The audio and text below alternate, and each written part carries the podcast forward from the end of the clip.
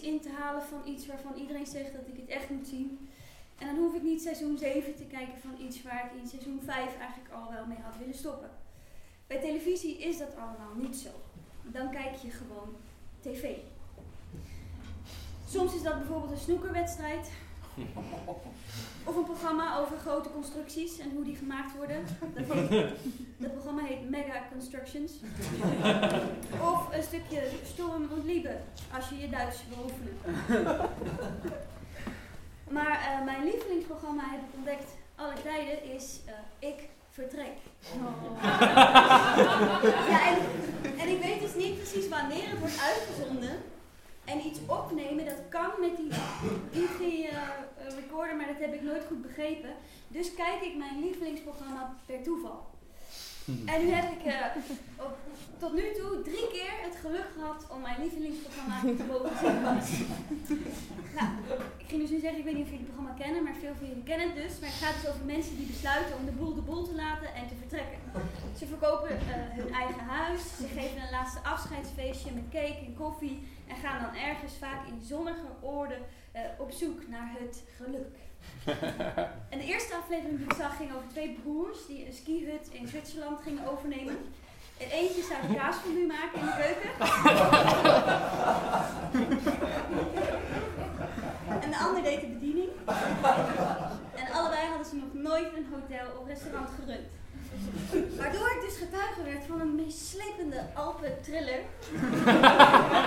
en ik met ingehouden adem keek naar een scène of het ze zou lukken om de laatste 200 zilveruitjes op de blokjes kaas te trillen.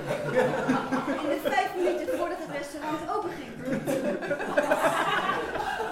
De tweede aflevering die ik heb gezien was helemaal anders van sfeer. Uh, het leek eerder een soort tragisch toneelstuk, waarbij je in het eerste bedrijf al alle aanwijzingen krijgt voor het drama wat zich onvermijdelijk zal vertrekken.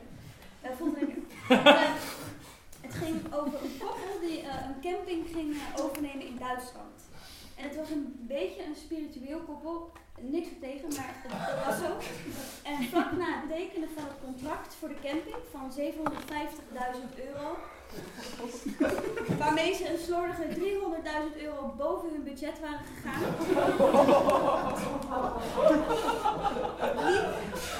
liep, Kees, de man, een beetje overweldigd naar een van de bomen op het terrein, omhelsde de boom, begon te huilen en zei in de kamer dat hij zo blij was dat ze de camping hadden gekocht en hij nu de energie van de bomen kon voelen en dat hij daar zo gelukkig mee was. Een paar weken later zag Kees met rood aangelopen hoofd het zoveel verstopte toilet proberen te repareren. Terwijl hij herhaaldelijk mompelde dat het een grote kutcamping was.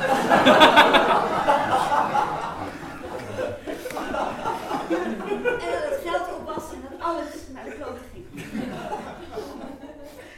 De derde aflevering die ik ooit zag van Ik Vertrek was een paar, uh, een paar weken geleden op donderdagavond en het ging over Ronald en Gerben. En dit is meteen ook een lievelingsaflevering. Ronald en een koppel, allebei getrouwd geweest met een vrouw ooit, allebei met kinderen ook. Maar ze waren nu dan eindelijk uit de kast gekomen en hadden besloten om hun leven dan maar meteen helemaal om te gooien. ze zeiden hun respect, zeg respectievelijke banen bij de bank en een verplegingstehuis op verkochten hun beide huizen en vertrokken naar Costa del Sol. En in Spanje hadden ze ergens aan een boulevard een Nederlandse tapasbar gekocht. En die gezien de Hollandse in plaats van de Spaanse snacks de treffende naam Hapas gegeven.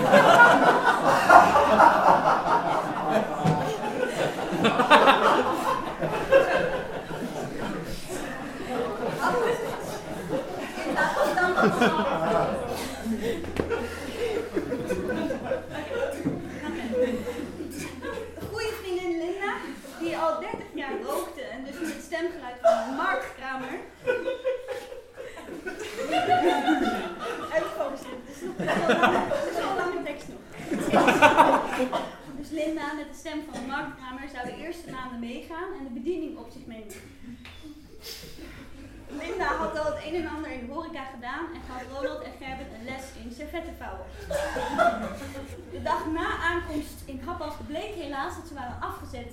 De muren in de keuken kwamen los, voor zover muren los kunnen komen. En je niet spreekt over een instorting. En ook was de vaatwasser lek en moest er dus met de hand worden afgewassen.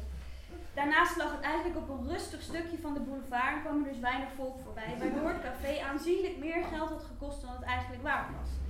Maar de sfeer van Linda, Ronald en Gerben zat er zo goed in dat ze zich daardoor niet lieten tegenhouden. Ze vonden een Spaanse kok, ze legden hem in Nederlands-Engels uit hoe hij satésaus moest maken en waar het allemaal bij moest. So everything with the satésaus. en toen kon Happas open. Ronald, die de bediening ging doen, was zo nerveus dat hij zijn eerste bestelling uh, na het verlaten van de tafel direct was vergeten. en dus nog twee keer terug moest. En hij bracht elk bord met friet en tosties afzonderlijk naar de tafel, omdat hij bang was om iets te laten vallen, waardoor het een heel erg lange en enorm spannende scène opleverde op televisie. Wat Linda dan weer later met een ronkende stem een werkpuntje noemde. Gerben voelde zich meer op zijn gemak in zijn paarse polo-t-shirt met daarop groot gedrukt happas. En vrolijk begroet hij avond na avond handjevol senioren in zijn restaurant. Even later springt de aflevering naar een scène waarbij Gerben, met het paarse shirt dus, uh, zijn zoon aan de telefoon heeft. Hij zegt, oké, is goed. Geef niet, geef niet. Dan zien we jullie gewoon met kerst.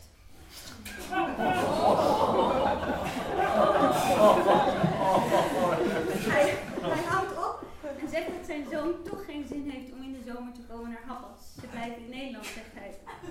Dus dan is het nog een paar maanden wachten tot kerstmis tot we elkaar zien. Ik had gedacht dat hij met zijn vrienden wel naar Spanje wou komen. Maar ja, hij draait zich om en loopt terug naar het restaurant. Ronald en Gerben en Linda zwoegen zich door die eerste weken en de piekuren heen en zeggen gelukkig te zijn met hun nieuwe leven. Echt heel gelukkig. En dan springt de aflevering weer in de tijd. We zijn een paar weken verder en we zien Ronald zitten in hun kleine appartement in Spanje op loopafstand van Happas. Linda is inmiddels al terug naar Nederland wegens oneenigheid met Gerben. Ronald zit thuis op zijn Spaanse zwarte kunststoffleren bank. De Nederlandse televisie staat op en hij heeft tranen in zijn ogen. Ja, zegt hij, het is gewoon een beetje anders dan ik me had voorgesteld. Het is nu bijna twee uur middags en dan moet ik weer. Weer naar die gevangenis. Met de gevangenis bedoelt hij papa. ik dacht echt dat het leuk zou zijn, maar... En ik hou van Gerben en Gerben houdt van happas, maar ik wil eigenlijk graag naar huis. Ze zijn op dat moment precies drie maanden in Spanje. Na de aflevering valt er een stilte. Dat wil zeggen, ik heb de televisie uitgezet en dus is het stil. En ik denk aan Ronald en Gerben en ook een klein beetje aan Linda. Ik denk aan al die vakanties waarop je vlak voordat je weer naar huis gaat tegen elkaar zegt: wat nou als we hier zouden gaan wonen? Dan beginnen we een bar of een bed and breakfast of zoiets. Ik denk aan dat ik ooit ergens heb gelezen dat 70% van de bed and breakfasts in Frankrijk binnen anderhalf jaar failliet gaan. Ik denk aan al die mensen die ergens een leuke koffiebar willen beginnen. En dat mijn zus, die manager is van verschillende horeca in Amsterdam, zegt dat je minstens 500 koffies per dag moet verkopen om winst te kunnen maken. En dat dat dus betekent dat je 500 keer per dag een koffie moet gaan zetten. En dat dan vijf dagen per week. Ik denk aan het gevoel wat hierachter zit. Dat we ergens opnieuw willen kunnen beginnen. Ergens anders opnieuw willen kunnen beginnen. Dat we zo vaak het gevoel hebben dat we moeten vertrekken om iets te kunnen vinden. Ik denk aan winters in België. Ik denk aan regen, motregen, slagregen, miseregen. En hoeveel woorden wij hebben voor regen. Ik denk aan chagrijnige Antwerpenaren en ik denk aan files. Heel eventjes maar denk ik aan files omdat daar lang over nadenken me net zo ongemakkelijk maakt als de uitbreiding van het heelal. en dan denk ik aan hoe het voelt als de dagen beginnen te lengen en het langzaam warmer wordt. Aan fietsen door een koel bos, aan rivieren waar je in kunt zwemmen, aan liggen in het gras. En ik denk aan de taal die wij hier samen spreken en hoe goed ik die taal ken. En hoe dankbaar ik ben dat ik meer kan zeggen dan hola, everything with saté sauce. Ik denk aan hoe het komt. ik denk aan hoe het komt dat wij zo vaak denken dat het geluk ergens te vinden is, zolang we er maar risico's voor durven te nemen. En waarom we mensen altijd zo bewonderen die hun hele leven omgooien, die gaan reizen, die voor die nieuwe liefde durven te kiezen. Waarom we dat zo aanmoedigen. Waarom we elkaar daarover alleen maar de succesverhalen vertellen. Zoals de eerste Europese migranten naar Amerika, die blijkbaar elkaar brieven schreven, naar, huis dus, over hoe geweldig het leven in Mississippi was. In de hoop dat hun vrienden en familie snel achterna zouden reizen naar die godvergeten, ellendige, verlaten moerasvlakte. Ik denk aan al die backpackers die ik in mijn leven al heb ontmoet. Als ik zelf op vakantie ben. En hoe die in mijn verbeelding zijn samengesmolten tot een soort mythisch, zoekend wezen. Laatst nog, toen ik zelf op vakantie in Australië was en ik een meisje leerde kennen op een organic farm, waar zij al een half jaar werkte om haar visum te kunnen verlengen, om de drie jaar durende reis die ze aan het maken was niet te hoeven beëindigen. En ze vertelde me dat ze de hele wereld had gezien, van hoogtepunt naar hoogtepunt, en dus niet kon antwoorden op mijn vraag wat ze het mooiste vond. En toen ik na een kwartier in het gesprek zei: Oh, I'm sorry by the way, my name is Suzanne, ze me vermoeid aankeek en zei: I don't introduce myself to people that I meet just for one day. We probably won't see, again, uh, see meet again, so what's the point? En hoe ik even later, terwijl we spaghetti aten, me bedacht dat dit misschien wel de droevigste ontmoeting uit mijn leven was. ik denk aan het boek The Subtle Art of Not Giving a Fuck, wat ik onlangs las. Het is geschreven door een ex-digital nomad. Dat zijn jonge websitebouwers of bloggers die dan in de Starbucks van Costa Rica hun office opzetten en conference calls doen via Skype. Kleine ondernemers die een Instagram-account hebben met alle mogelijke versies van de foto's van je laptop onder een palmboom. En hoe hij in dat boek, The Art of Not Giving a Fuck, uiteindelijk schrijft dat hij na land nummer 175 te hebben bezocht, hij zich nog nooit zo eenzaam en losgeraakt van de wereld heeft gevoeld. Hij zegt dat in tegenstelling tot wat zijn Instagram-account deed vermoeden, hij nooit echt in het moment heeft gezeten, maar eerder juist overal buiten. Ik denk aan mijn eigen ouders, die elkaar verlieten voor een ander, voor beter. En hoe ik nu achteraf, als ik ze zie zitten aan de kerstdinertafel, allebei nu zonder partner, omdat het leven nu eenmaal zo gelopen is, ik vaak denk, wat nou als jullie gewoon waren blijven zitten?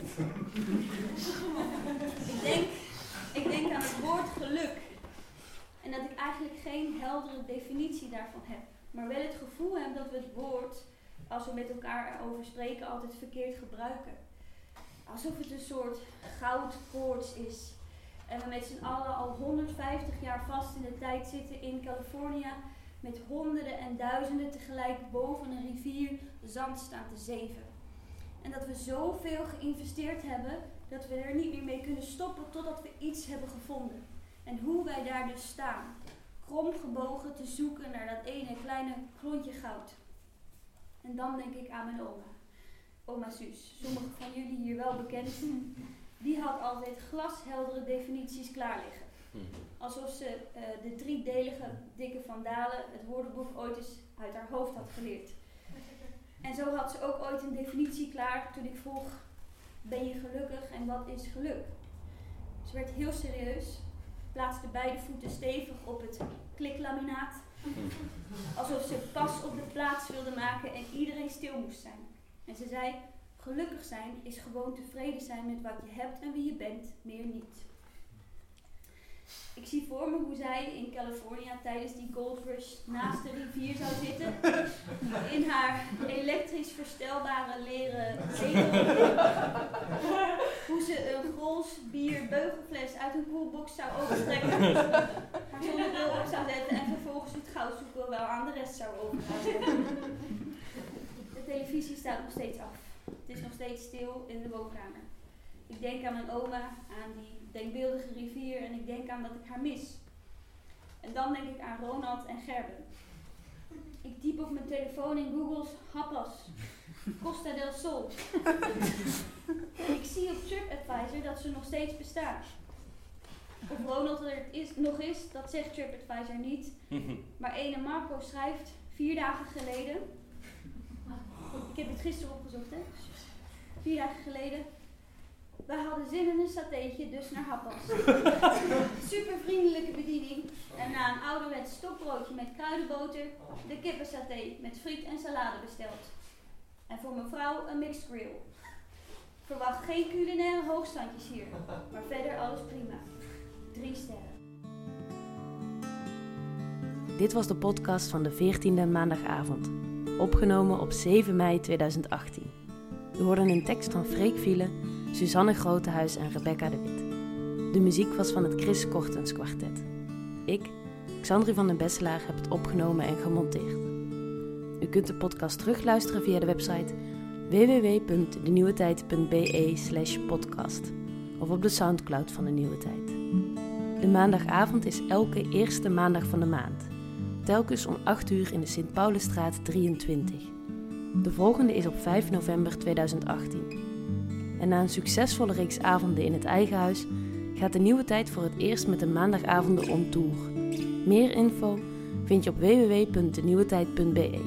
Reacties zijn ook altijd welkom via info@denieuwetijd.be.